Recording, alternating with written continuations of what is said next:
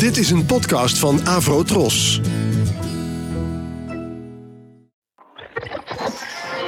Ladies and gentlemen, The Fab Four. Fab Four. John, Paul, George, Ringo.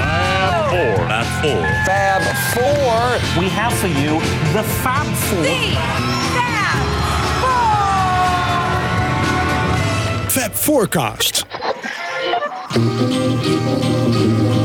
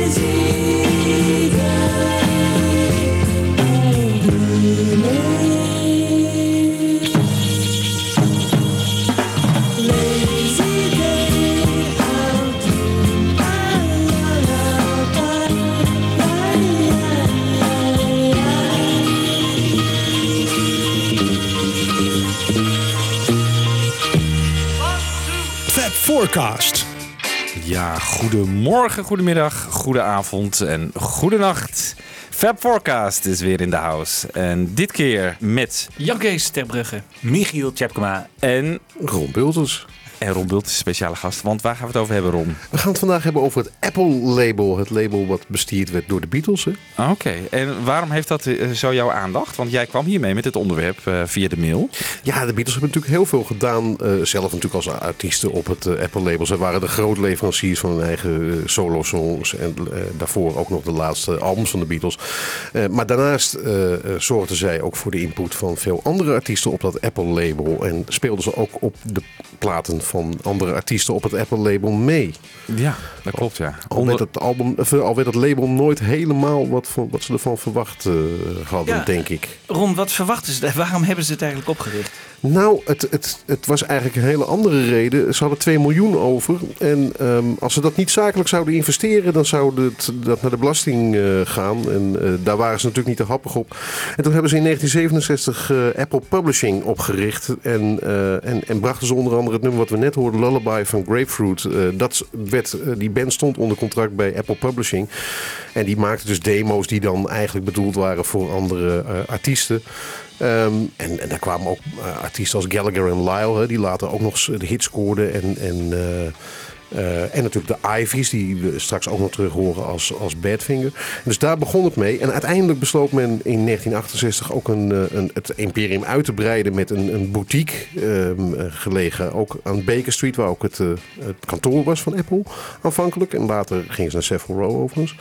En daar kwam ook Apple Electronics en er kwam Apple, eh, eh, eh, de, de, het platenlabel. En dat was eigenlijk de, de, de key business die bedoeld was onder de Apple-naam. Ja. Onder Apple Core. Laat ik even ook nog Zeppel, hè? Zeppel. Rappel, Rappel hebben we Oh ook ja, nog. Rappel. Rappel. Volgens mij is er één LP op Rappel verschenen, namelijk de soundtrack van eh, de fantastische film Son of Dracula. Oh, van Harry Nielsen Ja. en Ringo. Een appeltje met een, een hap eruit. En, wa- en waarom dan Rappel? Ja, dat vroeg ik me ook altijd af. Want Met zou... W of WR? Nee, nee Rappel? met, met, gewoon Rappel. een R. Met een R. Rappel. Ah, Ja. En, en Zeppel was inderdaad het, eh, het alternatieve label. Daar Ja. zou men vooral gesproken woord en avant-garde op doen. En daar zijn... eh, Dat, dat mij bestierde die Barry Miles, toch? Die, ja, eh, exact, exact. En Ja, daar zijn die volgens mij maar, McCartney-boek. ja, volgens mij zijn er maar twee albums of drie albums op uitgebracht. En die waren notabene van George en van eh, John en Yoko. Dus eh, Ja. nooit van, van buiten staan. Dat was wel de bedoeling. Maar dat is er nooit van gekomen. Maar verdienden ze ook meer? Met, een- ik bedoel, eh, als ze het op Parlophone uitbrachten, hielden ze er dan minder aan over dan wanneer ze het op eh, Apple uitbrachten? Nou ja, ik denk dat zij. dat, ik, ik, weet- ik heb nooit helemaal de zakelijke deals. ze hebben uiteindelijk nooit meer aan verdiend. Omdat het geld er met bakken, maar dan ook met bakken uitging. Maar dat had meer te maken met de drank en, eh, en andere rekeningen. En, en het feit dat gewoon de kantoren leeggeroofd werden. En, eh en Dat zie je ook mooi in de Ruttles ja, eh, film. ja, ja. fantastisch. Ja. Eh, en, en uiteindelijk kwam dus ook Alan Klein daar schoon schip maken. En dat was eigenlijk min of meer het eind van het creatieve Apple-label.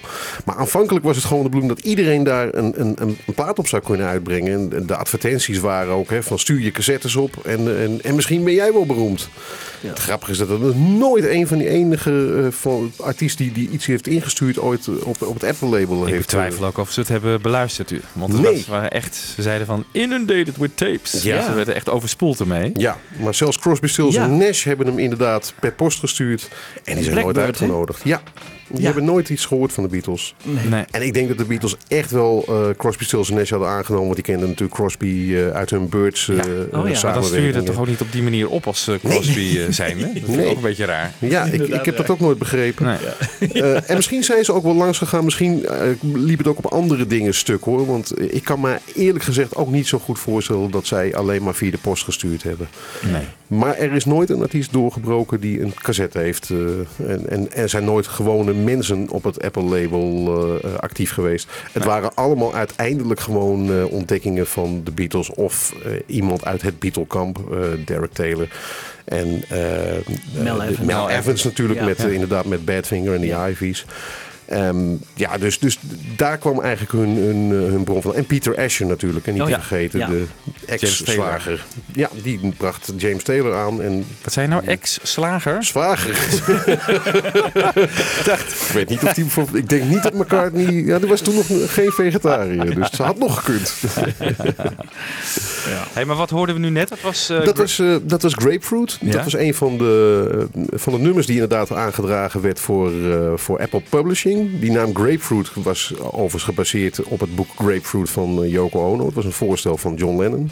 Die overigens nog een Apple-band eh, aan hun naam eh, geholpen heeft. Namelijk de Hot Chocolate Band. Die later door zouden breken als Hot Chocolate. Ook dat was een, eh, een vondst van, van Lennon. Maar Lullaby was dit van Grapefruit. En dat werd geproduceerd, de demo, door Paul McCartney. Grapefruit heeft nooit platen uitgebracht op het Apple-label. Maar heeft later natuurlijk wel heel veel succes gehad met nummers zoals Deepwater. En eh, de, hoe heet die andere heet ook alweer? Dear the Liar. Ja, Ja, Maar mooi. mooi dat is een demo, geen single. Nee, nee. Er er is uiteindelijk wel een, een andere versie van uitgebracht. Maar die is niet geproduceerd door Paul McCartney. Alleen de demo. En die hoorden we. Ah, Oké, en dat is dus een beetje de rode draad door deze uitzending. Hè? Dat de nummers die we draaien allemaal een... Er zit allemaal wel, bijna aan alles zit wel een Beatle-connectie. Ze spelen niet altijd mee. Maar want bijvoorbeeld nummer, Apple single nummer 1, dat was helemaal niet wat we denken. De eerste single van, van Apple die uitgebracht werd eh, voor het grote publiek was weliswaar bijvoorbeeld eh, Hey Jude. Maar dat was niet Apple 01. Want Oh. dat nummer was eh, voorbehouden aan Maureen is a Champ van Frank Sinatra. Frank Sinatra? Frank Sinatra heeft eh, één single gemaakt voor het Apple-label, maar er is ook Eén exemplaar? ik denk dat er maar één exemplaar van gemaakt is. Want die was natuurlijk bedoeld voor de vrouw van eh, Ringo Maureen Chapman. Die, eh, nee, Maureen Cox, hè, heet ze, sorry. Ja. Maureen Cox, die, het, het was een verjaarscadeautje voor Ringo. Nou, het is toch leuk als je Frank Sinatra je, je Nou. verjaardagscadeautje kan eh, laten inzingen. Dus hij heeft... Maar de- had Ringo contacten met Sinatra? ja, dat, dat moet wel, want Ja. eh, hij heeft echt eh, door, door de oorspronkelijke Sammy Kaan, die, die ook de lyrics schreef voor de, de Lady is a Tramp, die heeft dus de, de, de lyrics, lyrics herschreven voor, eh, voor Frank. En hij heeft het echt opgenomen. En hebben ze de originele, eh, laat maar zeggen, instrumentale take... Nee, volgens eh, mij niet. of Is hij opnieuw helemaal opgenomen? Volgens mij is hij echt opnieuw opgenomen. We, we hebben hem, maar eh, de kwaliteit is niet heel geweldig. Ik weet niet waar die vandaan is gekomen ook. Dat, Ja, alleen al uit curiositeit is het natuurlijk geweldig Ja. dat we hem kunnen horen. Ja, precies. Maar het is, het is ook een, wel een absurd verhaal eigenlijk, vind je niet? Ik bedoel, Ja, de- de- ja. Frank Sinatra, Ja. ook op dat moment toch wel een tamelijk... eh, hoewel, hij heeft een- wel een dipje geloof ik, hè, eind jaren 60. eh, Zeker. niet Ja, meer- Ja, dat is dat waar, dat is waar, dat Ja. is waar. Maar goed, het Maar was dat nog die- steeds een grote. Ja. ja. Het was ook de tijd dat hij, dat hij inderdaad wel Harrison ontmoette. Want die staat op de achterkant van een van de Oh ja. hoezen van, eh, van Ja. Frank Sinatra. Ja. Cycles volgens mij. Bij My Way was hij volgens mij aanwezig. Ja, George. ja, klopt. Ja. Maar hij had weinig op met de Beatles. Dat Ja. heb ik in ieder geval uit die laatste uitgebreide documentaire Ja. eh, begrepen. Dat hij op een gegeven moment de score van Yesterday eh, voor zich krijgt. Van, gaat dat nou zingen? Ja. Dat is heel mooi. Ja. En eh, nee, daar moest hij helemaal niks van hebben. Nee. Ook, ook niet, ook niet al- bedoel, het nummer past op zich misschien best bij hem. Hè, maar Ja.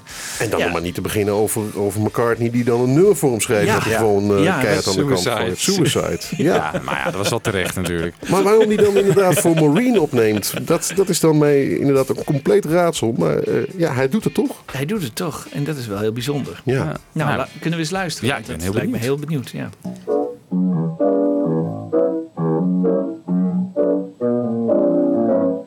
There's no one like her, but no one at all.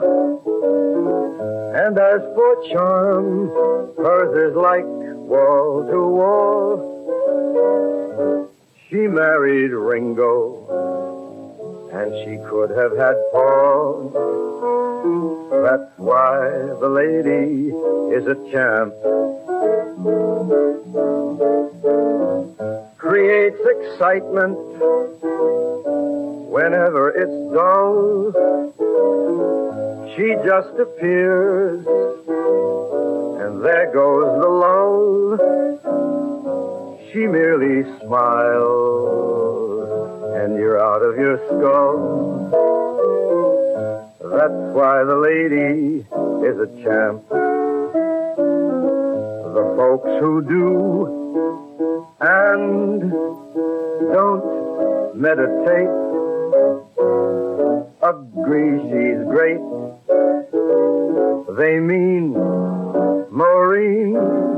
I've got more lyrics right after this vamp. Because the lady is a champ.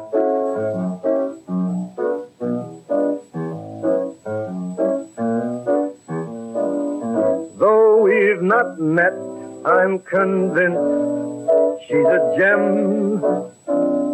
I'm just SS, but to me, she's Big M. Mainly because she prefers me to them. That's why the lady is a champ. I've lots of fans, well, at least one or two. But Peter Brown called me to tell me it's true. She sleeps with Ringo, but she thinks of you. That's why the lady is a champ. But I can boast, boast as much, as much as I please.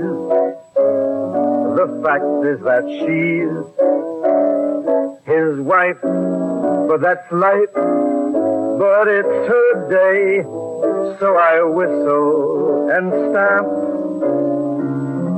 Because the lady, the charming lady, Mr. Ringo's lady is a champ.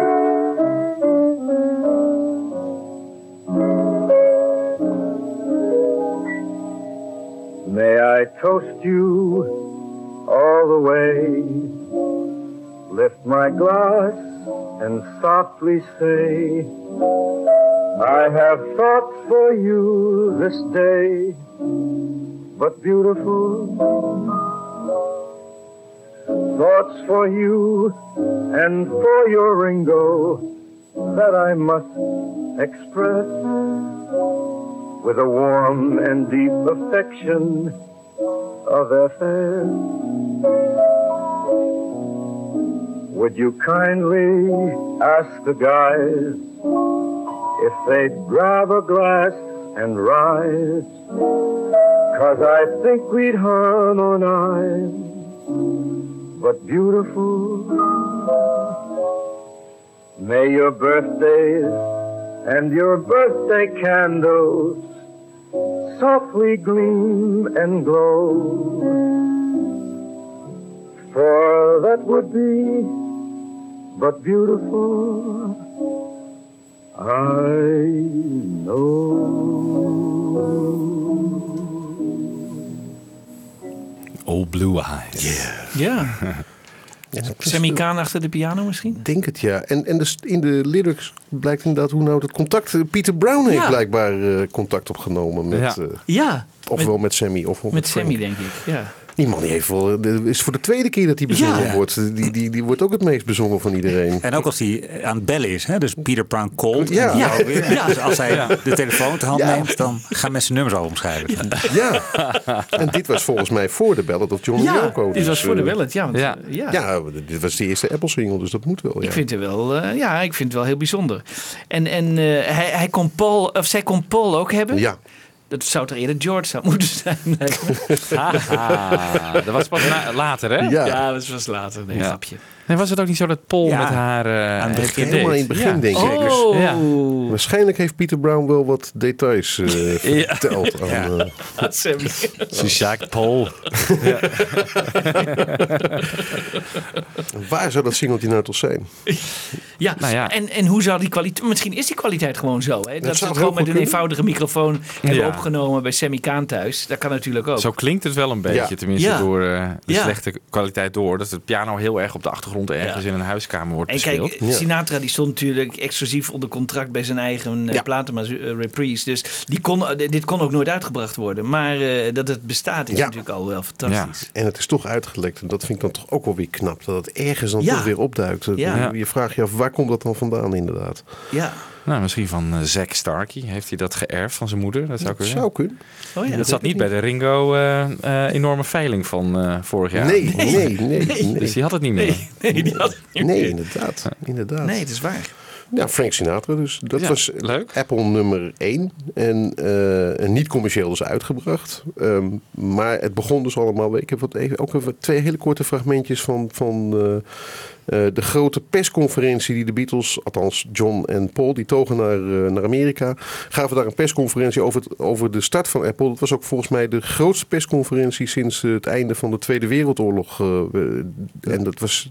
Oh ja? Ja, dat wel, Zoveel bezocht. Zoveel bezocht, ja. Eh, eh, overigens, toen waren ze volgens mij net uit India terug. En waardoor een heleboel vragen gaan over, eh, over India en over de Beatles. En ze komen eigenlijk heel weinig aan, eh, aan Apple toe om daarover te vertellen. Ook al gingen ze nog veel meer eh, interviews daar geven. En, en gingen John en Paul ook in de, in de befaamde Tonight Show.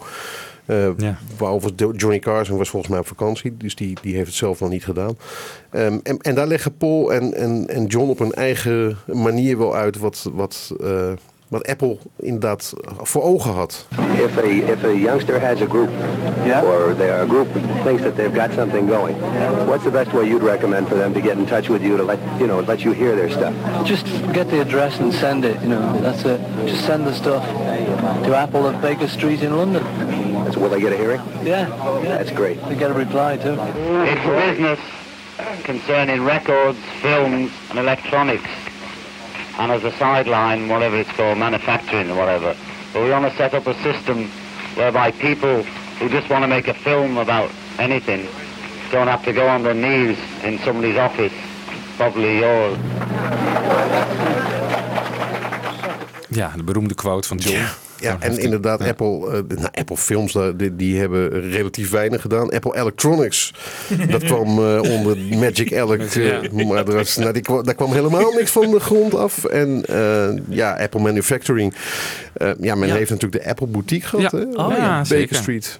Ehm, maar ook dat was een zeer kort leven. eh, Maar hadden zij ook eigen kleding die ze maakten? Of was het alleen een shop die, waarbij ze kleding van over de hele wereld was, een beetje eh, inkochten? Nou, het werd volgens mij voornamelijk door, eh, door de Fool. Oh, de Fool, ja, Die natuurlijk. maakte Ja. heel veel kleding. Ja. Ja. Wat onbetaalbaar was, want die maakte ook bijvoorbeeld handgeweven eh, labeltjes erin. En die labeltjes alleen al maken was allemaal zo'n handwerk. Dus dat kostte ook gigantisch veel tijd en geld. Dus En het was, het was gewoon niet allemaal rendabel. Uiteindelijk is het, is, hebben ze eerst zelf de leukste dingen eruit gehaald. En de rest is inderdaad de deur open gegooid. En, eh, en- en werd, die, werd die shop gewoon leeg geplunderd door, eh, door wie maar langs wilde komen. Je mocht geloof ik één kledingstuk per, eh, per, Ja. per bezoeker meenemen inderdaad. Maar dat is dus allemaal geen succes geworden. Apple Films nog enigszins. Die hebben nog, nog redelijk tot, ook in, tot in de jaren zeventig eh, eh, nog doorgeploeterd.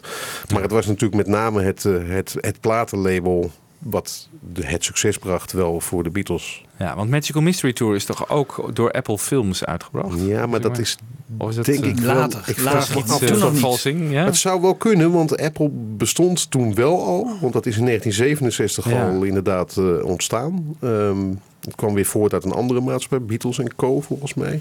Maar eind 67 was de naam Apple al inderdaad eh, eh, in, in zwang. Maar nog niet het eh, befaamde logo met de appel. Want die komt volgens mij pas echt uit 1968. Ja. Ja. En dat is weer gebaseerd op een schilderij van Magritte, Ja. geloof ik, hè? Wat Ja. Paul thuis had hangen. Klopt. Ja. Klopt. Ja. Alan, Alan Aldridge, heeft hij hem niet eh, voor de rest ontworpen? Ja, Op volgens mij wel. van, op, op basis van Magritte, ja. Ja. En, en, en het was ook een prachtige, ik vind het nog steeds een van de mooiste labels. eh, met die doorgesneden appel aan eh, hè, de, de ene B. kant. Ja, Ja, precies. Ik vind het een prachtig, eh, prachtig label. McCartney, McCartney had ook een Magritte thuis. Ja. geloof ik. ja. Ja, er meerdere, zo'n foto meerdere. van hem. eh, dat hij die, maar ook al een foto van hem met het kleine schilderijtje met die appel erop. Ja. Ja. Kan ik me herinneren. Ja, Ja, Ja, hij was een liefhebber. Hij heeft Ja. ook veel, of veel, maar hij heeft wel een aantal schilderijen van Magritte in zijn collectie. Ja. ja. en de ezel, hè? de ezel van Magritte heeft hij ook. Ja. En de, ja. Ja, en dan wat Picasso's in in de goedkope tijd nog eh Willem de. Koning. Ja. Ja. Je moet dat eens proberen. Ja, Ja. En wat voor, allemaal mis. wat voor nummer was eh Hey Jude dan? Apple 02 misschien? Ja. of eh, weet je dat niet? Volgens mij werd dat, want volgens mij is eh Hey Jude überhaupt niet op het Apple label. Het, dit wordt wel Apple label genoemd, maar het, het, staat geen Apple op het label, want het was nog het Parlophone label. Ja. Dus die had volgens mij een ander release nummer, iets met 99 erin. En, en, en er zat wel iets in de prefix, hè, dat, dat nummer, er zat wel een, een, een letter voor waardoor het op het Apple eh, was. Maar volgens mij is dat nog niet officieel op het Apple label zoals we dat kennen uitgebracht. Nee, wat gek wel. Mijn vader vroeg ook een singeltje van Hey Jude. Dat was inderdaad Parlophone. Ja. Wat ik heel En, en dat gold ja. volgens mij voor alle de eerste vier singles die ook later gebundeld werden als Ah. Our First Four. Want ik zit te bedenken, Mary Hopkins zat daarin. Die heb ik Ja. ook op het Parlophone label. En Jackie Lomax zat daarin. En, en de Think of Me Bob hè, van de Black Ja. de Dyke Mills Band. Die is ook op het Parlophone label. Dus dat Dus is pas hadden- later eh, Ja, ja, gekomen. ze hadden nog geen label, eh, maar het heet al wel Apple. Dus, Ja, precies. Maar Jackie Lomax was wel een van de eerste ontdekkingen van de Beatles. Dat was ook niet zo heel raar, want die kwam uit Liverpool en, en speelde eh, in de Undertakers, die de Beatles ook in de Cavern Club en zo ook tegenkwamen. Ehm, dus ook die kwam weer niet binnen via die beroemde bandjes die eh McCartney allemaal zat te beantwoorden trouw. Eh, ik vraag me af of er überhaupt ook iemand ooit een antwoord heeft gehad. Het zal wel niet. Ik denk het, ik denk het niet, nee. nee. Ehm, maar Jackie Lomax was, eh, was een, ja, ook weer iemand die heel veel belofte gaf, maar het eigenlijk weer niet waar kon maken. Ik, ik vind ik, zijn eerste single Sore Milk Sea, hè, werd door George Harrison geschreven, is een fantastisch nummer. Ja. Het op een of andere manier eh, werd het geen hit. Hij kreeg niet de voldoende promotie of wat dan ook. Ja, ik heb gehoord dat dat het voornamelijk was. Dat hij niet door Ja. Apple ook eh, goed gepromoot werd. En dat gold eigenlijk Ja. voor de meeste artiesten. Want Ja. talent was er genoeg, maar op een of andere manier wisten ze het niet goed te verkopen. Behalve hun eigen singles natuurlijk. En Mary Hopkin. En Mary Hopkin wist daar op een of andere manier wel inderdaad. eh, misschien dat toch Paul dat slimmer aanpakte dan, dan George, die toch meer voor de muziek ging en niet voor de randverschijnselen. Ja. En Mary Hopkin was ook in eh, Opportunity Knox Ja. geweest. Misschien heeft dat ook wel meegespeeld. Dat Die was enigszins al bekend inderdaad. Ja. En commercieel toegankelijke muziek, denk ik ook weer. Net, Ja. net weer wat, hè? Ja. Ja, voor een groter publiek is dat, Ja. eh, is dat toch wel is dat waar. Jackie Lommers was toch meer voor de fijnproevers. Maar eh, de LP This is, what, is This What You Want is een, is een fantastische plaat. En Sawmill Sea werd later nog door Herman Brood gecoverd zelfs. Oh, echt? Oh ja. Ja, ja, ja. En, en het titelstuk Is This What You Want. Hij heeft twee nummers van eh, Jackie Lomax eh, gecoverd. Volgens mij is hij de enige geweest die dat gedaan heeft. Leuk. Maar ja, je, je je vraagt je af waarom het geen hit werd. Want eh, eh, eh, McCartney doet mee, eh, eh, Harrison doet mee, Ringo doet mee, Eric Clapton doet mee. Nou, Ja. Clapton zelfs. Ja, Goeie die band. speelt de, die speelt de, de leadgitaar. En oorspronkelijk eh, eh, was het eigenlijk voor de Beatles bedoeld ook, Sawmill Sea. Het staat Ja. op de beroemde Easer demo's. Ja. eh, Ja. Zeker. maar de Beatles namen het niet als zodanig eh, op. Maar we hebben wel een, een, een leuke versie. Volgens mij heb ik de originele versie van eh, eh, Jackie Lomax eh, gemixt. Ook met een andere versie die ik ergens vond. Waarop we alleen George de vocaal horen doen. Maar dat zit wel redelijk ver in de mix weg. Ehm, als je goed luistert naar de originele versie van Sawmill Sea, dan hoor je overigens ook heel erg in de vette gewoon de, de, de, de guide vocals van, eh, van George Harrison. Dus die zit er al in. Maar het komt van een tamelijk dubieuze bootleg. Dus het zou ook wel eens kunnen zijn dat ze een beetje gecheat hebben en die, die, die demo van, eh, van de Beatles eroverheen hebben geknald. Ja. Zijn vocalen. Het klinkt namelijk niet heel erg geweldig. Maar het is wel een leuk, eh Nou. leuk artefact. We gaan even luisteren. Hey, Kate. Shut up. I wish we had the words written out properly.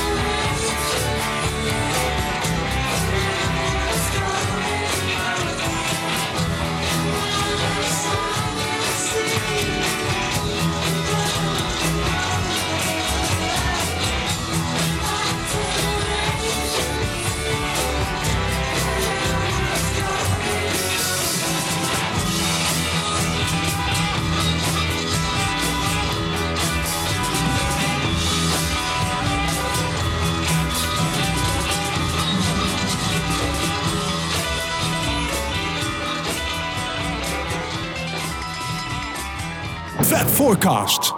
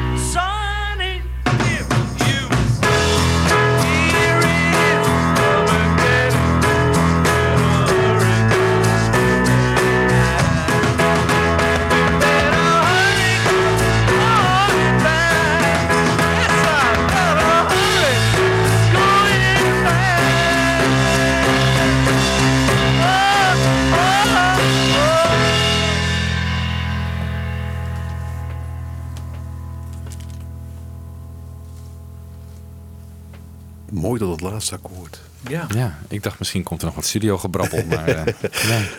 Nee, Ja. Badfinger. Dit was een leuke versie, eh, Ron. Ja. Ja, Badfinger ontstond als de Ivies, hè, daar hadden we het net al over. Ehm, overigens al veel eerder ontdekt, hè. Niet, niet door Mel Evans, maar door Ray Davies. De Althans, die heeft zich al, al eerder aan, tegenaan bemoeid, maar had er ook geen tijd voor. Daar begon de tragiek al van de band eh, Badfinger. Oh ja. En dat Ja. is hun hele leven blijven achtervolgen. s- van twee van de leden, letterlijk dus. Want er zijn er twee die zelfmoord hebben gepleegd. Maar het begon veelbelovend. De Ivies maakte eigenlijk al niet een hele echte goede start op het Apple-label. Het album werd niet in alle landen uitgebracht van de Ivies. Scoorde in Nederland nog wel een hitje met Maybe Tomorrow. Ehm, En uiteindelijk was het eh, ja, de naamsverandering die ook wel succes bracht. En het feit dat Paul McCartney zich eh, met zich ging bemoeien. En die schreef inderdaad voor de film eh The Magic Christian schreef die Come and Get It voor, eh, voor Badfinger. Nou, de bekende demo van McCartney, die kennen we allemaal wel. Hè. Die staat volgens mij gewoon op de Anthology-versie. Die die eh, naar eigen zeggen een uurtje in elkaar sleutelde. En mm, vervolgens ging hij samen met Badfinger de studio in. En dit was dus echt ook de, de begeleiding van Badfinger en dus niet de, de demo. Dus dit is echt de, de live gespeelde versie door Badfinger met de guide vocals van Paul McCartney. Ja. En eh, ja, eigenlijk alle versies van Badfinger van dit nummer zijn in het illegaal circuit eh, verschenen. Dus eh, Oké, want het klinkt eigenlijk qua instrumentatie en hoe het, ja, het eigenlijk exact hetzelfde als die demo van Paul. Ja. Maar dat was ook de, de, de opdracht van McCartney. Ja, die zei ook van eh, dit is het hit Ja. geluid of zo. Dit aan. Ja. En het is, het, is een, het is hit. En McCartney had nog gelijk ook.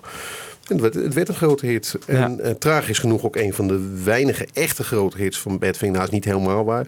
Ehm, later scoorden ze nog wel meer hits. Day After Day werd een hit. En natuurlijk eh, No Matter What is een grote hit geweest.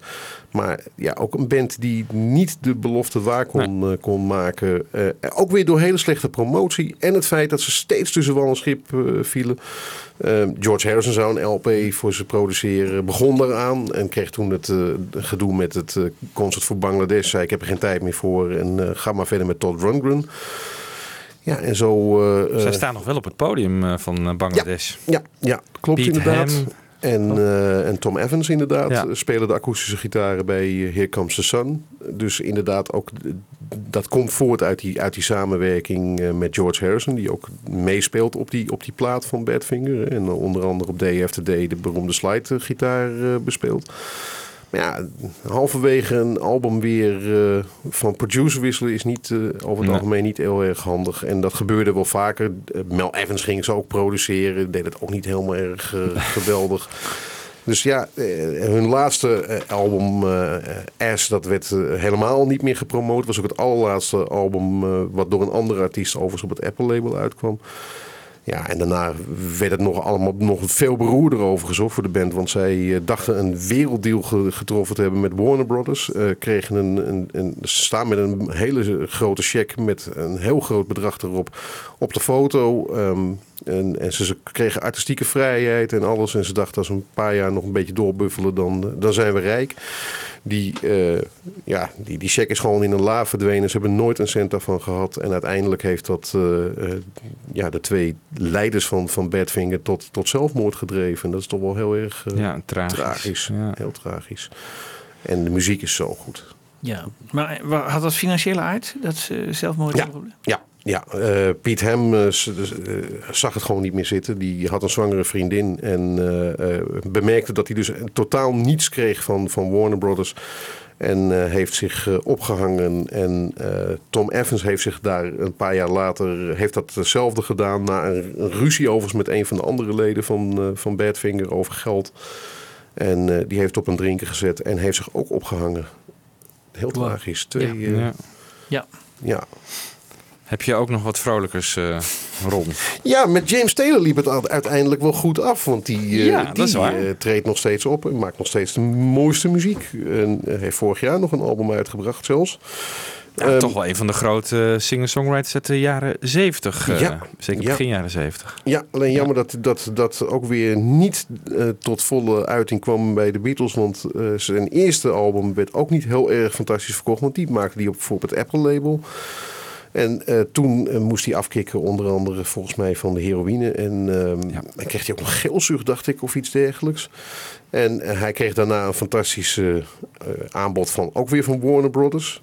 Ja. En ehm, die kreeg overigens wel het geld eh, wat, hij, wat, hij toekwam, Ja. wat hem toekwam. Maar ehm, hij, eh, hij ging over en daar scoorde hij meteen al, eh, al grote hits. Peter Asher ging mee met Peter hem. hè? Asher ging mee, ja. ja. En Alan Klein wilde meteen Warner Brothers aanklagen. En toen hebben de Beatles zelf gezegd, als hij wil gaan, dan zijn wij zo, laat hem maar gaan. En, en we hoeven daar niks aan te verdienen. Dat was wel heel netjes. Maar het Ja. heeft ze een hoop geld gekost. Maar het eerste album eh, was dus wel op het Apple-label, ook al geproduceerd door Peter Asher. En ook daar doen weer eh, de nodige Beatles aan mee, eh, met name McCartney. Maar op Carolina in My Mind doet ook nog George Harrison mee. Ehm, ik heb nog zelfs even geprobeerd, want er zitten hele hoge achtergrondstemmetjes in. Dus ik dacht, als ik die nou eens ga vertragen, hoor ik dan duidelijker wie er zingt. Maar als ik dat doe, hoor ik nog steeds geen McCartney en ook geen Harrison. Ook al worden ze wel voor de backing vo- vocals, eh, krijgen ze wel de credits. Maar En de tekst van Something is toch eh, ook... eh, ja, something in the way she moves. Het is gewoon Het is gejat van... Gewoon, gewoon van James Taylor gejat, ja. ja. Ja, ik heb ook nooit... Misschien dat ze daarom dachten van... Nou, laat hem dan ook maar zonder geld eh, eh, weggaan. eh. Ehm, ja, en, en er moet nog veel meer van James Taylor op de plank liggen. Want zijn eerste echte grote hit was Fire and Rain. En er schijnt een Apple-versie van te zijn met een gospelkoor. Maar die is nooit uitgebracht. En bij de aanvankelijke eh, CD-release eh, stonden er geen bonusnummers op. Want dat wilde James Taylor niet. Omdat het een heel coherent album is met allemaal tussenstukjes met orchestraties en zo. Ja. En eh, toen het twee, drie jaar geleden die box verscheen met eh, alle albums weer van Apple met andere versies ook weer. Toen werden er ineens wel een aantal bonusnummers aan, eh, toegevoegd. Dus ik heb even een stukje van de demo van eh, Carolina in My Mind. En daarna de, ja, dit is zo'n mooie versie. Een mooie baspartij van, van McCartney. In my mind, I'm gone to Carolina. Can't you see the sunshine? Can't you just feel the moonshine? And ain't it just like a friend of mine to hit me from behind? Yes, I'm gone to Carolina in my mind.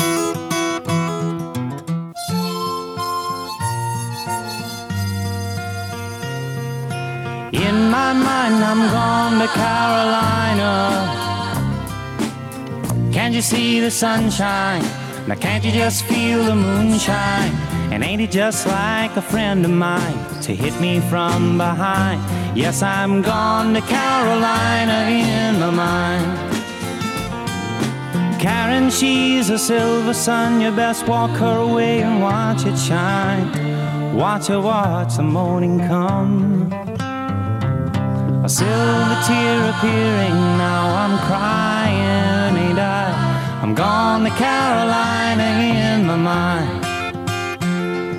There ain't no doubt in no one's mind that love's the finest thing around. Whisper something soft and kind. And hey, babe, the sky's on fire. I'm dying, ain't I? I'm gone to Carolina in my mind. In my mind, I'm gone to Carolina. See the sunshine? I Can just feel the moonshine? And ain't it just like a friend of mine to hit me from behind? Yes, I'm gone to Carolina in my mind. Dark and silent late last night, I think I might have heard the highway call. Geese in flight and dogs that bite. And signs that might be omens say I'm going, gone to Carolina in my mind. Now with a holy host of understanding round me, no, no, still I'm on the dark side of the moon. And it looks like it goes on like this forever. You must forgive It's up in, in my mind, I'm going to Carolina. Can you see the sunshine? Can you just feel the moonshine? And ain't it just like a friend of mine to hit me from behind? Yes, I'm gone to Carolina in my mind.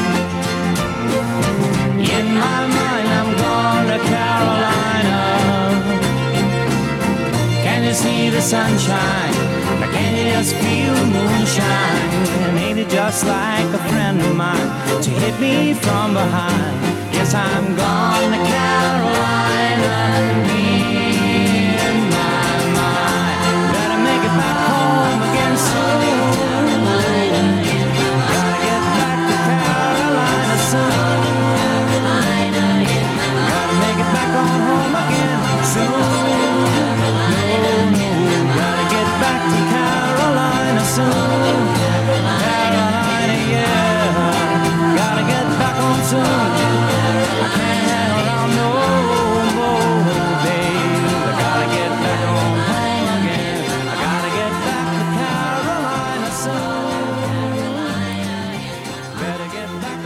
James Taylor, Carolina in My Mind.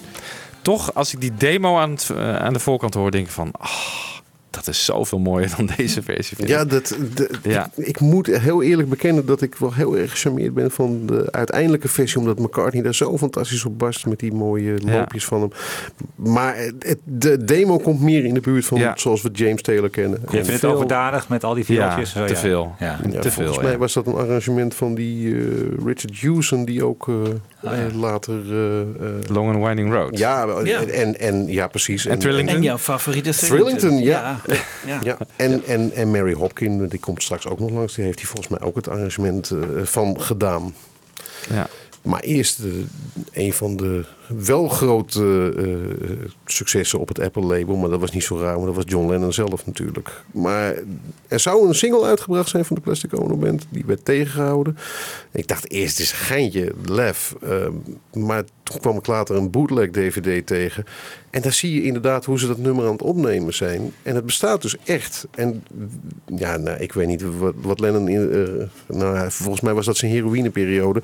Dus ik denk dat dat eh, de invloed is geweest om het, eh, om het inderdaad op te nemen. Het, het zou, Over welke, over welke tijd spreken we nu? Eh, Dit is volgens mij 69 geweest. direct dus na het is, ja, Abbey Road? Ja, dat denk ik wel, ja. Ik heb het niet helemaal kunnen plaatsen. Maar ik denk dat het inderdaad rond, rond de, nadagen van de Beatles... zo niet net de begindagen na het einde van de Beatles is geweest. En hij neemt het nummer Laugh op met een aantal mensen... wat niets anders is dan een aantal mensen die in de studio zitten te lachen. En Ja. het werkt niet eens aanstekelijk. Nee, klopt. Ik Dus- heb het gehoord Ja, en ik hoefde, er- ik hoefde er niet op te lachen. Nee, ik kon er ook niet op lachen. Nou, misschien de luisteraar wel. Ja. Even proberen.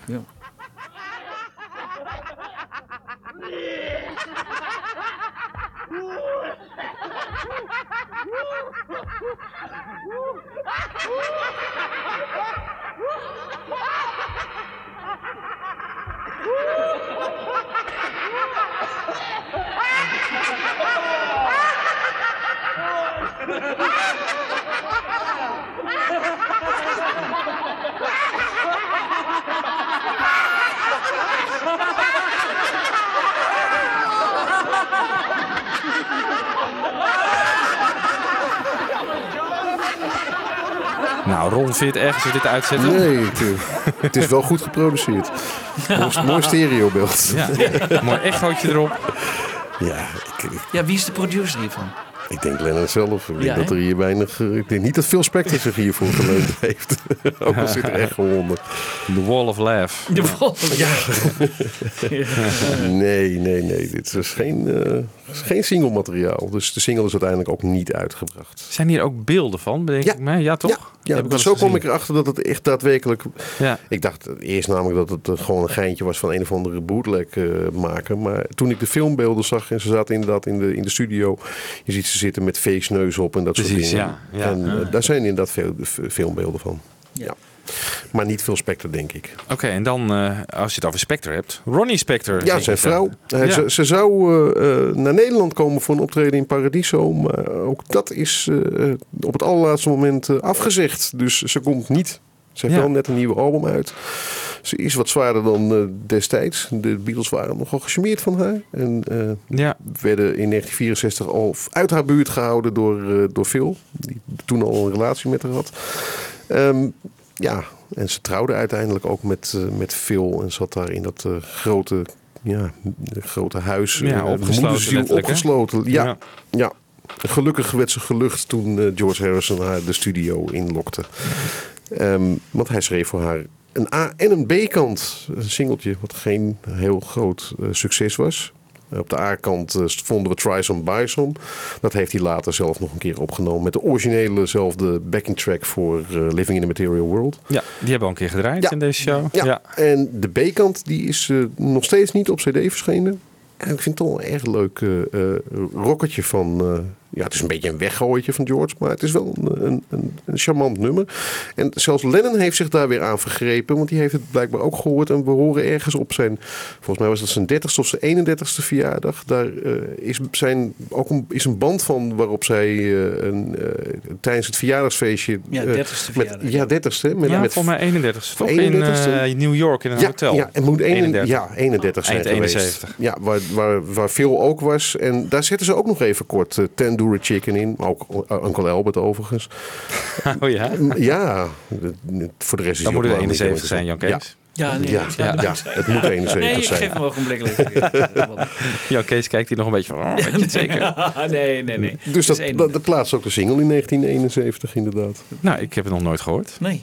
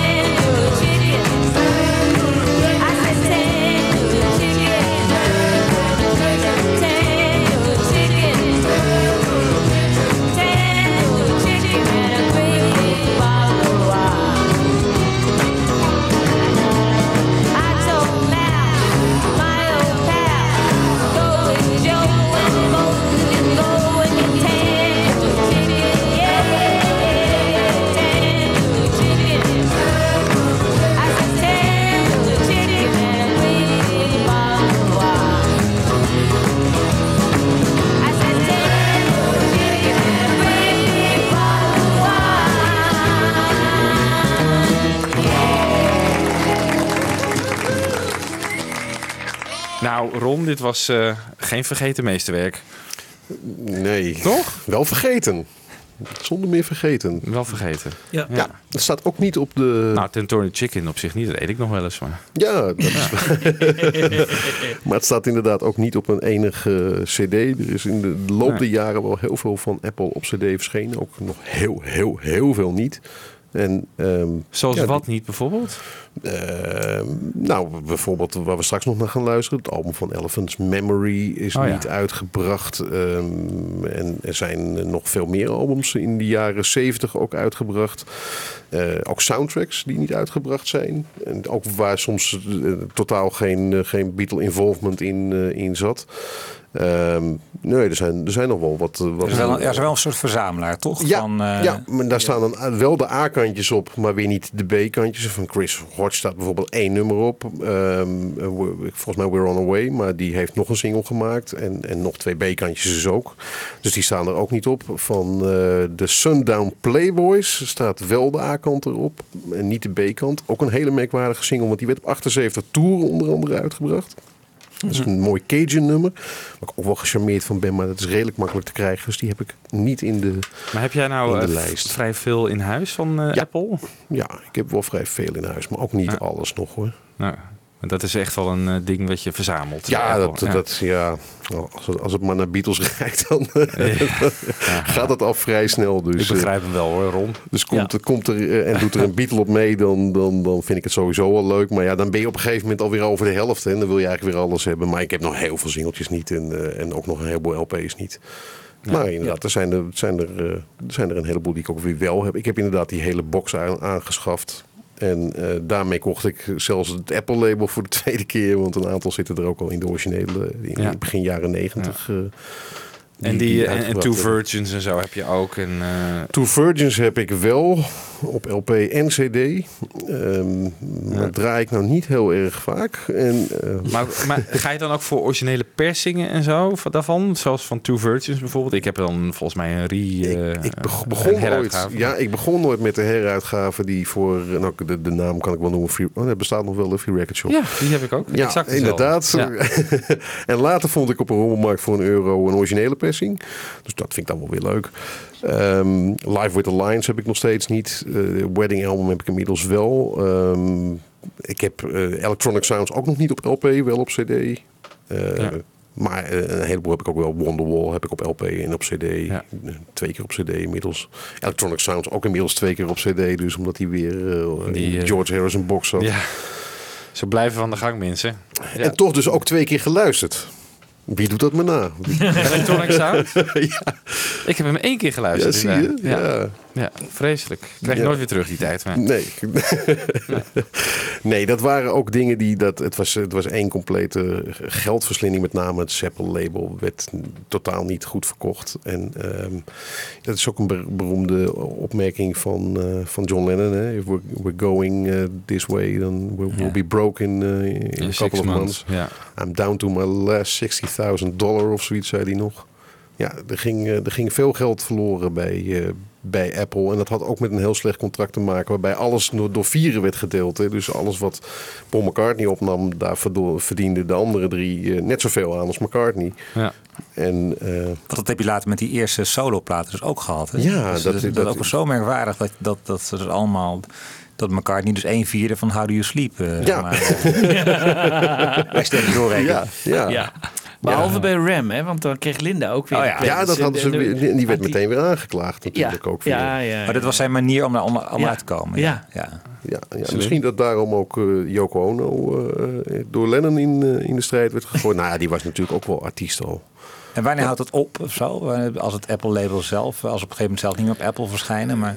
Volgens mij 75, toch? Ja, ja 74 verschijnt de laatste externe artiest. Hè. Dat is dan Badfinger met eh, het album Ass. Waar ook nog het hele trieste nummer Apple of My Eye op staat. En dat begint ook met Oh, I'm sorry that we have to go. Dus wist al dat ze weggingen. En... eh, ja, ook dat was eigenlijk meer ingegeven doordat, eh, Alan Klein daar totaal niks in zag. En eh, de Beatles nog wel.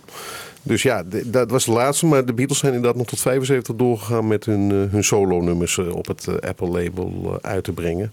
Ja. En het staat trouwens nog steeds. Hè. En er wordt nog steeds Ja. op uitgebracht. Ja, volgens mij was Venus en Mars de eerste release die niet op Apple uitkwam. Als ik me niet vergis. Ik denk dat is in ieder geval niet met een Apple label Nee. uitgebracht. En dat is maar- 75. Klopt inderdaad. Ja. Nou, je ziet ook eind 74, hè, tekenen ze ook in het Plaza Hotel in New York die eh, definitieve overeenkomst eh, van de ontbinding. Wat Ja. nou de aller, allerlaatste Apple plaat is, dat durf ik inderdaad niet te zeggen. Volgens mij extra texture toch? Dat zou nog wel eens heel erg goed... eh, Maar dat is weer ook weer 75. Hm, nou, Ja. Ja. Dat is Ja. wel gek. Nou goed, misschien ergens van de helft van 75. Ja. En dan later, dan, dan heeft het een soort slapend eh, bestaan? Nou, eigenlijk helemaal niet. Want eh, eh, dat is de periode waarin Apple eigenlijk heel erg rijk wordt. Want dan gaan ze eh, namelijk eh, niet produceren, maar eh, procederen. Namelijk tegen eh, Apple, het, het computerlabel. Want wat heeft eh, eh, Apple, het computerlabel, ooit bedongen? Ze mochten alles doen behalve zich met muziek bezighouden. Ehm, niet wetende dat zij eh, eh, later natuurlijk. Dat had Apple van de Beatles dus bedongen. ja, dat had, eh, sorry, dat had Apple Ja. van de Beatles bedongen. En, Ja. en dat heeft ze uiteindelijk in, in eerste instantie heel veel geld opgebracht. Want ehm, eh, Apple, het label, ging vervolgens dus de computergigant aanklagen. omdat die software hadden die met de Beatles te maken hadden. Volgens mij zat Todd Rundgren daar nog achter ook. Want die programmeerde voor Apple. De computermaatschappij, niet de platenmaatschappij. Dus in eerste instantie werden de Beatles daar heel, heel erg rijk van. Die hebben daar miljoenen mee gewonnen. Vandaar is ook dat album, eh, dat label gewoon altijd door zijn blijven gaan. Ja. Ehm, ja, en toen kwam Apple met, eh, met, met, natuurlijk met de iPod en dat soort dingen. Ehm, En toen is men weer gaan procederen. En dat ging om nog meer geld. Maar dat hebben de Beatles uiteindelijk verloren. Ehm, waarom? Ze hadden wel platen, software, volgens mij ook. Platens en cassettes en dat soort dingen. Maar die hadden nooit, natuurlijk nooit gedacht dat er ooit eh, mp3's en, en, en cd's Nee, nee. zouden komen. Ja. En uiteindelijk heeft de rechter daar een, eh, een stokje voor eh, gestoken. Maar het is niet helemaal gek hoor dat Apple, de, de computergigant, was ook ge- geënt op het Apple-imperium van de Beatles. Ja, dezelfde filosofie een beetje. hè? Steve Ja. Jobs was ook gewoon Ja, Steve Jobs was een. ja.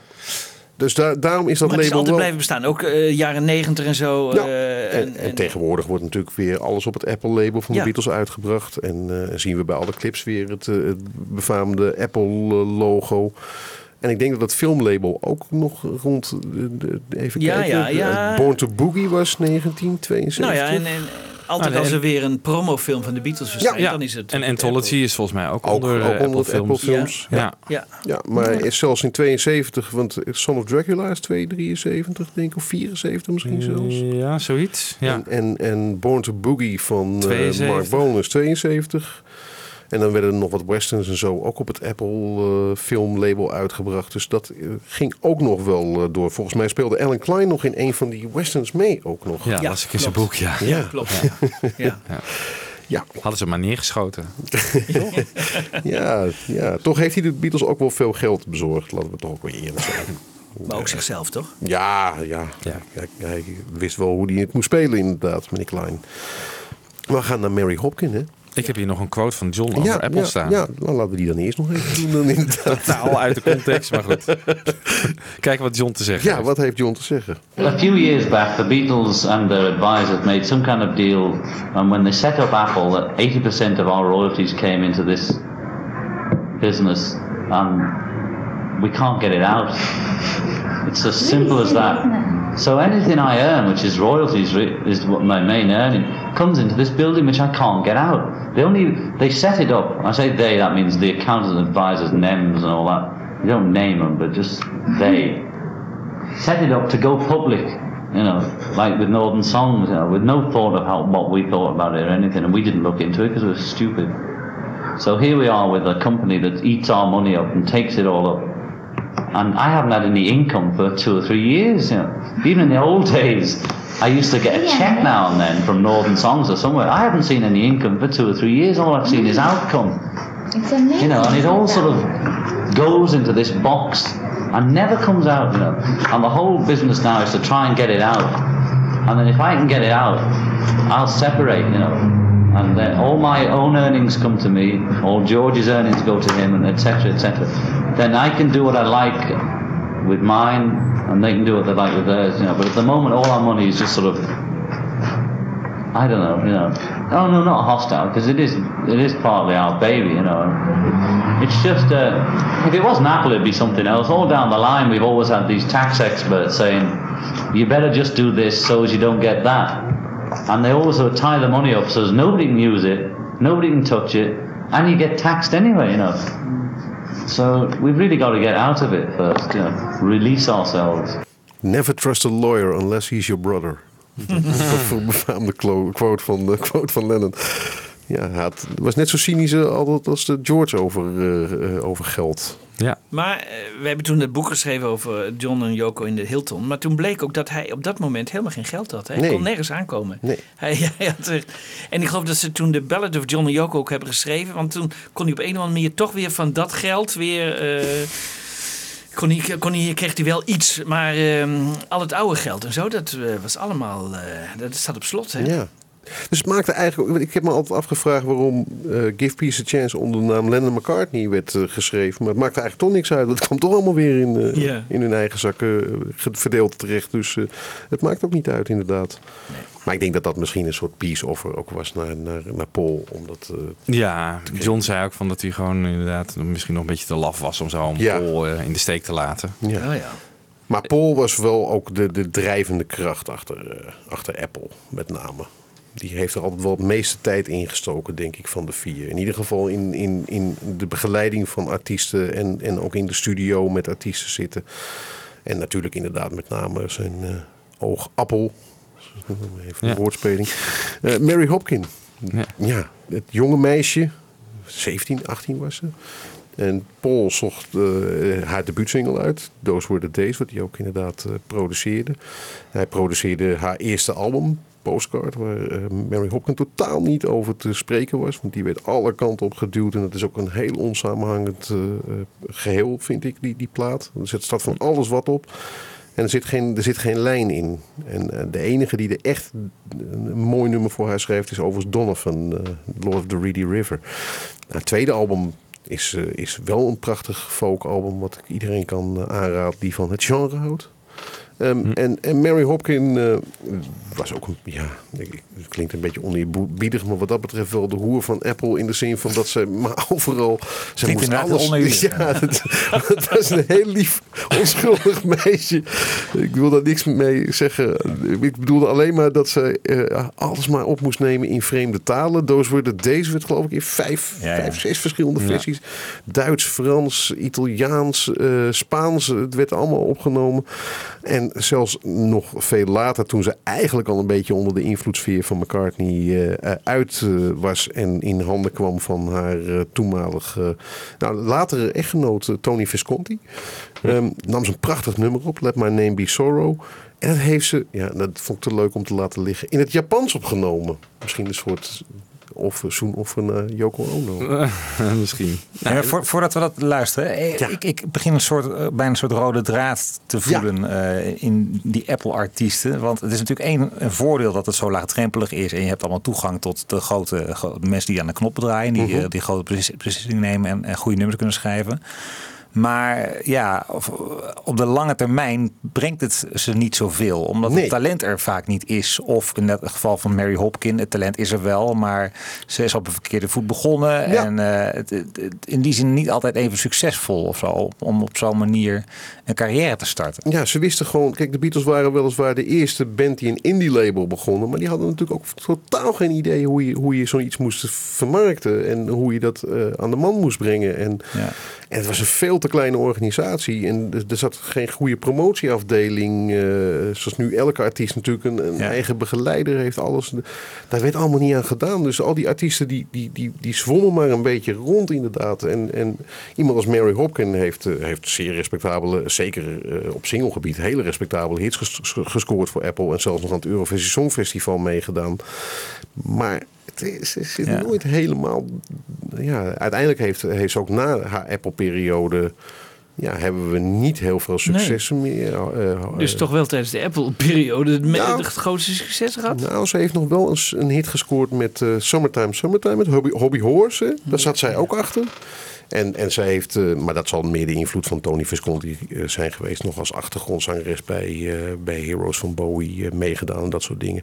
Maar ja, veel hebben we niet meer van Mary Hopkin gehoord. En dat geldt eigenlijk behalve van James Taylor, die nog steeds inderdaad een grote en, en, en gevierd artiest is. Maar voor de rest kan ik inderdaad geen extern artiest van Apple voor de geest Nee. halen die Nee. echt een, een, een wereldster was. Ja, Badfinger had, had dat moeten zijn. Ja. Ja. Dat was echt de meest getalenteerde Apple-band in mijn ogen. En de meest waardige opvolger voor de Beatles. Maar ja, Hey, maar ik zit te wachten op die Japanse versie. ja. Zullen we- moet ik hem ook Ja. nog aankondigen? Ja. Ja, Watashi wo kami- Kamashimi te yonde. Wa- wa- wat zei je nou, Ron? Eh, Watashi wo Kamashimi te yonde. Oftewel, Let My Name Be Sorrow. Een mooi tranentrekker van, eh, van Mary.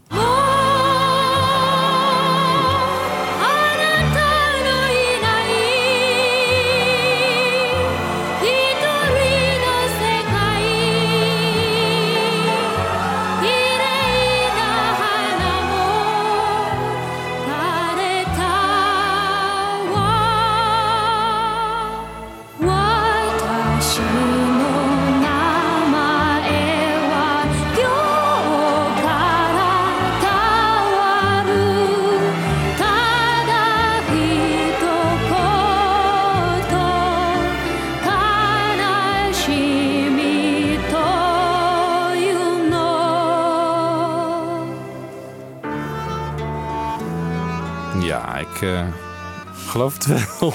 Het is dus, dus Yono in plaats van Yonde. Ik, ik spreek het verkeerd uit, dat hoor ik net. Nou, is toch het is wel eh, Kamashimi. Wie is hier de Japan-expert? Eh, Michiel? Natje, Natje. Natje. Ik heb geen flauw idee. Ik, ben, ben eigenlijk, ik, ik heb het geprobeerd om het ook door een vertaalmachine heen te gooien. maar dat kwam, er kwam niet veel zinnigs uit. Hé, maar ik voel een leuk bruggetje naar de volgende artiest. eh. Ja. Ja, Toch? niet helemaal zonder eh, reden inderdaad. Heb je erover nagedacht, eh, Ron? Jazeker. Want er was natuurlijk maar één Japanse ster op het Yes. Apple-label. Nou, die maakt ook nog steeds platen. Zeker weten. En, en ik moet heel eerlijk zeggen, zij heeft ook echt een, een rehabilitatie gehad. Die Apple-albums die zij gemaakt heeft, die zijn echt lang niet zo slecht als dat iedereen denkt. Kijk, natuurlijk Two Virgins en, en al die Zeppel-platen, zeg maar, zoals ik ze maar noem.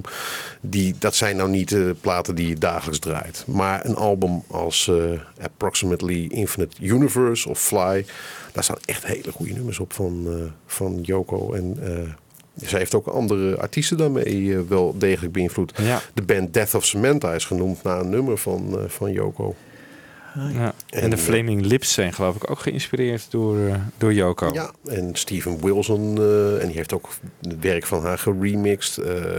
Dit- volgens mij heeft ook Tom York van Radiohead nummers van de geremixed. Oké. Ja, de laatste jaren is, eh, is Yoko inderdaad eh, eh, erg in trek. En ze is 83, volgens mij. 83? Mm, Ja, het zou Ja. wel zoiets Ja. kunnen. Ja, Ja, 37. nee, Ze is van 33 geloof ik. hè? 33, sorry, 33, ja. Ja, en still going strong. Maar de laatste keer dat ik dat zei ging over George Martin. En die ging twee dagen later dood. Dus ik moet misschien, Nou, Yoko eh, is laatst ook in het ziekenhuis opgenomen. Ja, inderdaad. Ja, ja, ja. Ja, ja. ja en natuurlijk, eh, eh, eh, John doet natuurlijk heel erg vaak mee op, op gitaar. Behalve natuurlijk tijdens het Lost Weekend. Ja, het album eh, waar... eh, hoe heet dat album waar David Spinoza ook ja, meespeelt? volgens mij heeft zij ook een korte relatie met David Spinoza gehad. Klopt. Klopt, Ja. klopt. Ja, toen is ze ook op tour geweest door Japan, geloof Ja. ik. In En zij heeft ook een, eh, een, eh, een, ook een Japanse single ooit eh, uitgebracht, inderdaad. Ah. Iets met Banzai erin. Van, van de boompjes? Nee, dat is Bonsai. Oh. ik dacht, misschien spreek je het uit als banzai in Japan, weet ik veel. Ja. Ja, dat is dus zo'n strijdkreet. Nou ja. Banzai! maar daarvoor deed zij al eh, Move on Fast. En met een fantastische gitaarpartij van, van Oma John.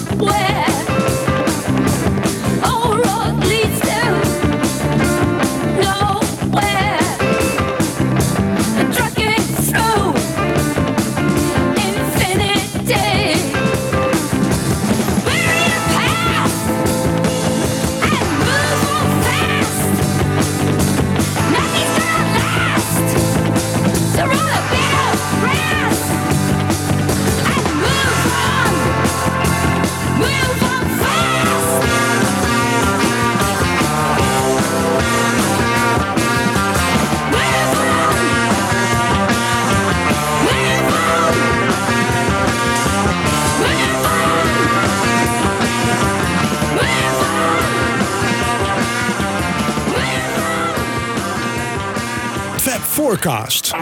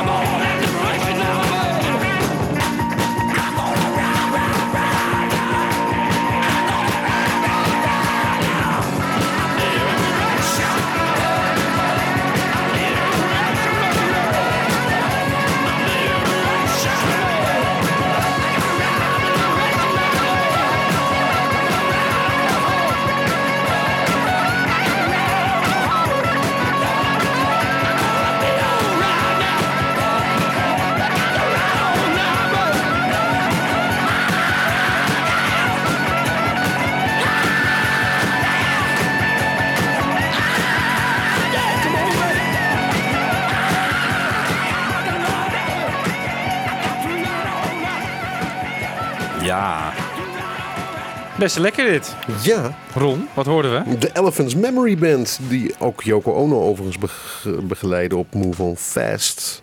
Ja. Dat is niet zo vreemd, want het is 1972 de periode waarin Lennon zijn eh, hart verpande aan die band. Kort, heftig. Ja. Lekker En- nummer van Joko ook trouwens. Ja. Ik zei net tegen je van het was een beetje, het doet mij een beetje denken aan eh, eind jaren 70 eh, New Yorkse underground punk of zo. Een beetje blondie. Als je dan bedenkt dat dit begin jaren 70 is, dan eh, vind ik dat best wel progressief voor Joko. Ja. eh. Ja, dat was ook natuurlijk de tijd dat B-52's eh, doorbraken Ja. met Ja. Rock Lobster. En Ja. die waren, dat, daar zat natuurlijk dat gegil in wat helemaal rechtstreeks van Yoko Ono eh, gejat Ja. was. Ja. En ook de reden waarom Lennon weer een album wilde uitbrengen met Yoko. Ja, they're ready for you now. Ja, precies. Ja. Nou, Toch heeft het nooit helemaal waar kunnen maken. ook zelfs niet met Walking on Thin Ice, vlak na de dood van Lennon.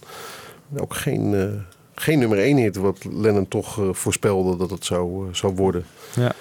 Maar ja, dit was inderdaad al begin jaren zeventig. Dat, Ja. Joko heeft echt wel baanbrekend werk gedaan. Woman Power is ook een... later kregen we Girl Power met de, met de Spice Girls. Maar Joko had al Woman Power. Dat is een kreet van haar. Ja, die ze... ja dat, dat is een nummer over, over emancipatie. Ja. Ik moet ook heel eerlijk zeggen dat ik veel van, eh, eh, ja, van Joko en over emancipatie en van Lennon met Woman is the Nigger of the World heeft voor mij heel veel eh, duidelijk gemaakt Ja. inderdaad. Ja. We hebben in een vorige aflevering, jongens, nog eh, gezegd dat we een Joko-aflevering wilden maken. Maar dat we geen Joko-fans kregen. Maar volgens mij zit er hier één in de studio, hoor. Ja, ja, ja, ja, ja, ja, Ja. ja, hoor. ja. Ja. Dat, dat moet je even een keer doen. eh. Oké, ja. dat is een deal. Dat is een deal. Ja. Joko heeft echt inderdaad eh, hele mooie dingen gedaan. En nog steeds.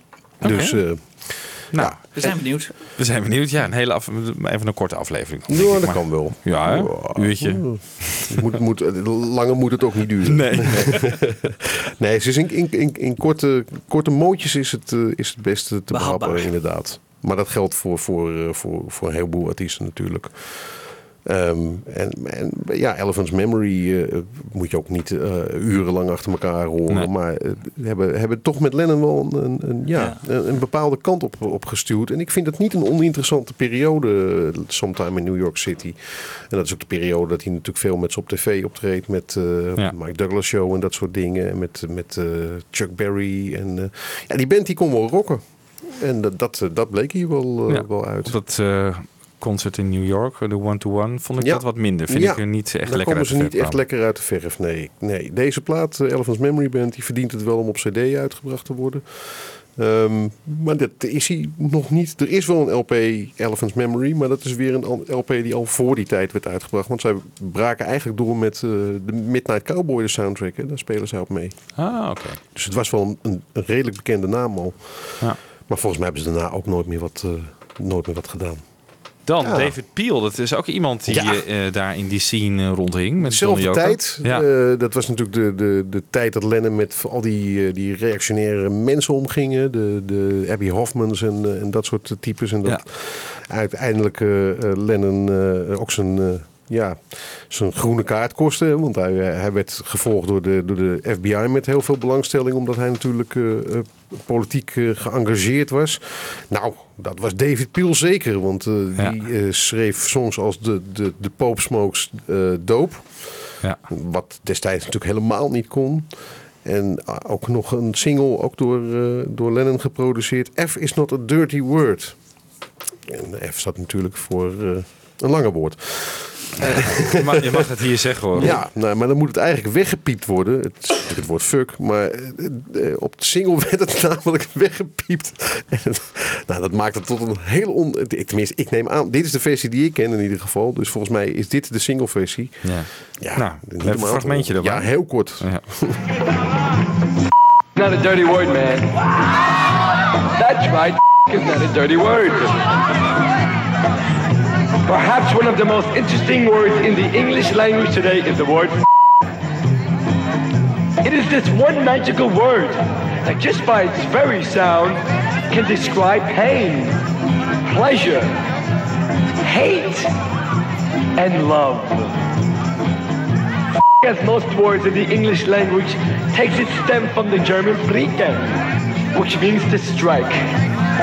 In language today, falls into many grammatical categories and has many usages. It can be used as a verb or transitive. Ja, ja. John Mary. Ja, dit was dus een single. Ja, dit was een single. En niet het enige singeltje waar eh, fucking voorkwam. Want ook nog een Apple-single is uitgebracht. The King of Fuh. En als je Ah, ja. dat dan weer, hè, daar werd in gezongen. de- uiteindelijk ging het All Hail the Fucking. De- En dat was, eh, hoe heette die ook alweer?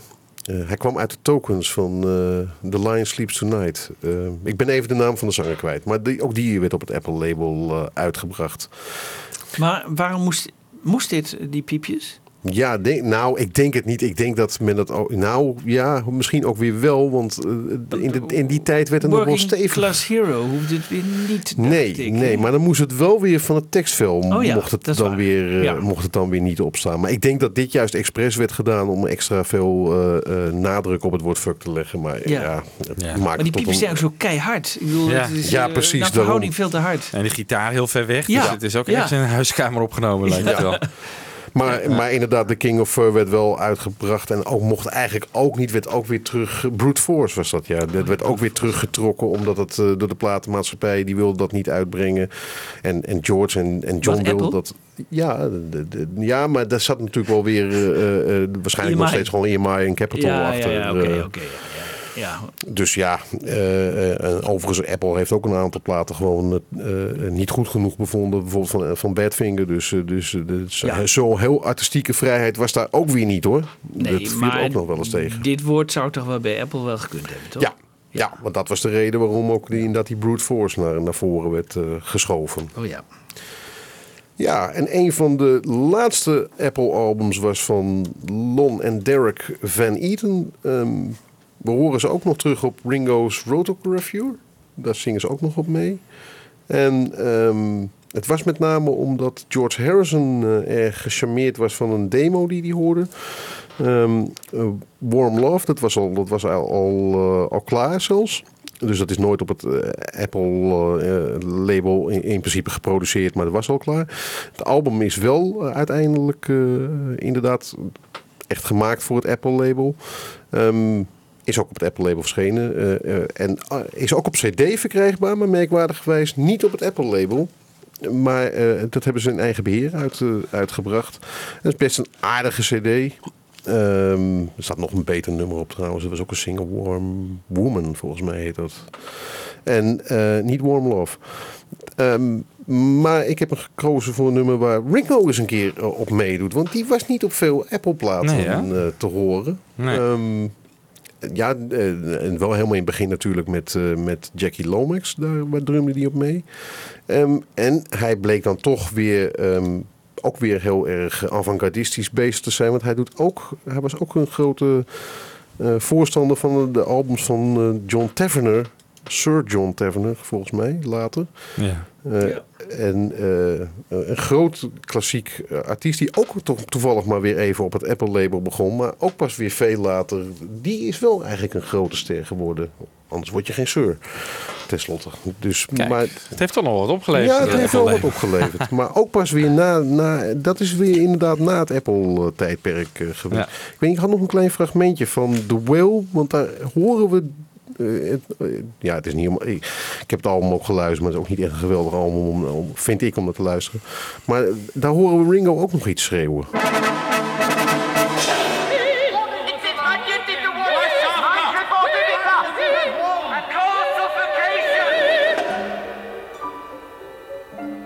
Ja, heel veel stelt het niet voor, maar we horen, we horen hem inderdaad schreeuwen. Maar wa- waarom zou Ringo eh, daar niet eh, met Apple hebben bezig gehouden? Was het gewoon te druk met zijn gezin of zo? Of eh, had hij er geen zin in? Of Ik weten we denk dat? niet dat hij, dat hij daar heel veel interesse in had in, in, in Apple, het platenlabel. Hij heeft natuurlijk wel de film Born to Boogie geproduceerd en, Ja, en, geregisseerd. ja. Dus, en hij heeft ook natuurlijk meegedaan. Speelt hij ook mee in Son of Dracula? Ja, speelt Ja. hij ook in mee. Hè? Ja. Geweldige film. Nee hoor, die kan, die kan je rustig overslaan. We willen hem toch een keer zien. Nou, hij is... eh, Is hij te krijgen Hij, ergens? Nou, ja, volgens mij zelfs officieel uitgebracht. Oké, Nee, nou, is- hij staat vast wel op YouTube. Dat, dat is, daar is hij zeker te vinden. Hij is in het, eh, daar zit wel een goede soundtrack bij. En, en ja, dus Ringo was meer van het filmfront dan, eh, dan van het platenlabel. Want volgens mij eh, heeft hij weinig geproduceerd. Hij heeft niks geproduceerd. Hij heeft ook geen artiesten aangedragen, denk ik. En eh, ja, hij speelde heel af en toe mee. Dus volgens mij speelde hij ook op Doris Troy haar plaat mee. Malone en Derek van Eaton kregen niet alleen de hulp van Ringo, maar ook nog een keer eh, Klaus Voorman, die het eh, produceerde, Another Thought. Ehm, dat stond op het officiële album, maar op de heruitgave, her, heruitgave de CD staat nog een alternatieve versie. Dus nou, om het maar weer toch maar weer zo exclusief mogelijk te houden, heb ik die versie gekozen. Oké.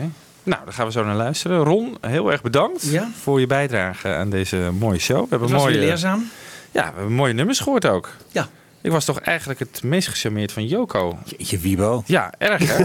Je Ja. gaat ons toch niet afvallen? nou, nee, ik hoop, ik had ook wat anders willen zeggen. Maar ja, ik, ja, ik vond het gewoon echt een goed nummer. Je moet altijd objectief blijven. En, eh, Ja.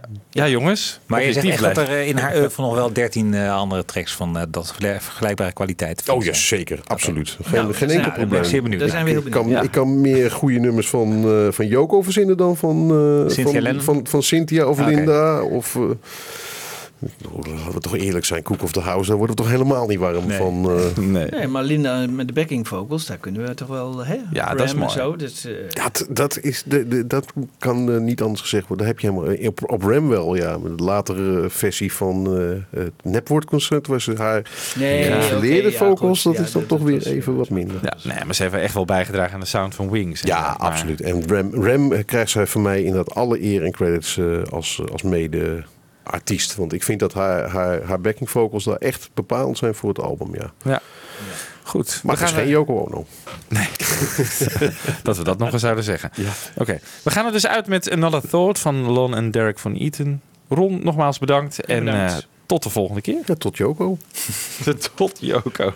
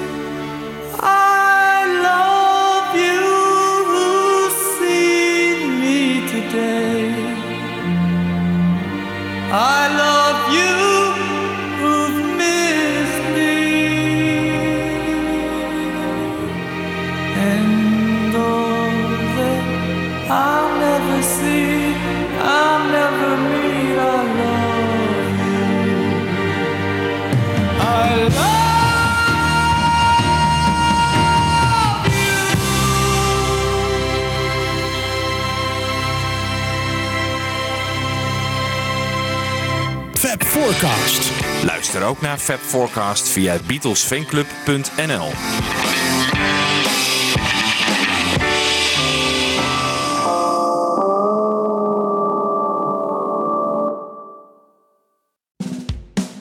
Dit was een podcast van Avro Tros. Wij maken tientallen podcasts per week. Van klassiek tot pop, van actueel tot archief, van reguliere radioshows tot speciaal voor podcast gemaakte programma's. Kijk voor meer podcasts op avrotros.nl.